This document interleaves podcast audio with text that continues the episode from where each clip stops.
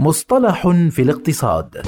برنامج يطرح في كل حلقة مصطلحا اقتصاديا محددا بلغة سهلة وبسيطة. مصطلح في الاقتصاد يأتيكم يوميا عدا الجمعة والسبت عبر شبكة أجيال الإذاعية في مثل هذا الموعد.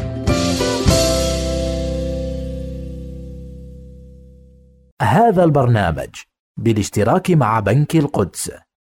حول واستلم أموالك في دقائق مع خدمة الحوالات السريعة ويسترن يونيون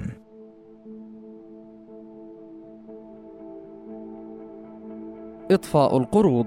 هو أسلوب محاسبة يستخدم بشكل دوري لخفض القيمة الدفترية حيث يركز على توزيع مدفوعات القرض بمرور الوقت ليشبه في ذلك آلية اهتلاك الأصول وعادة ما يتم استخدام جداول الإطفاء من قبل المقرضين مثل المؤسسات المالية لتقديم جدول سداد القروض بناء على تاريخ استحقاق محدد ويعد الإطفاء أمرا مهما لأنه يساعد الشركات والمستثمرين على فهم تكاليفهم والتنبؤ بها بمرور الوقت حيث توفر جداول الإطفاء وضوحا بشأن أي جزء من دفعة القرض يتكون من الفائدة مقابل رأس المال ويمكن أن يكون هذا مفيدا أيضا لأغراض مثل خصم مدفوعات الفائدة للأغراض الضريبية إضافة إلى استخدام هذه الوسيلة للتخطيط المستقبلي وفهم ما سيكون عليه رصيد الدين المستقبلي للشركة بعد إجراء سلسلة من المدفوعات فعلياً.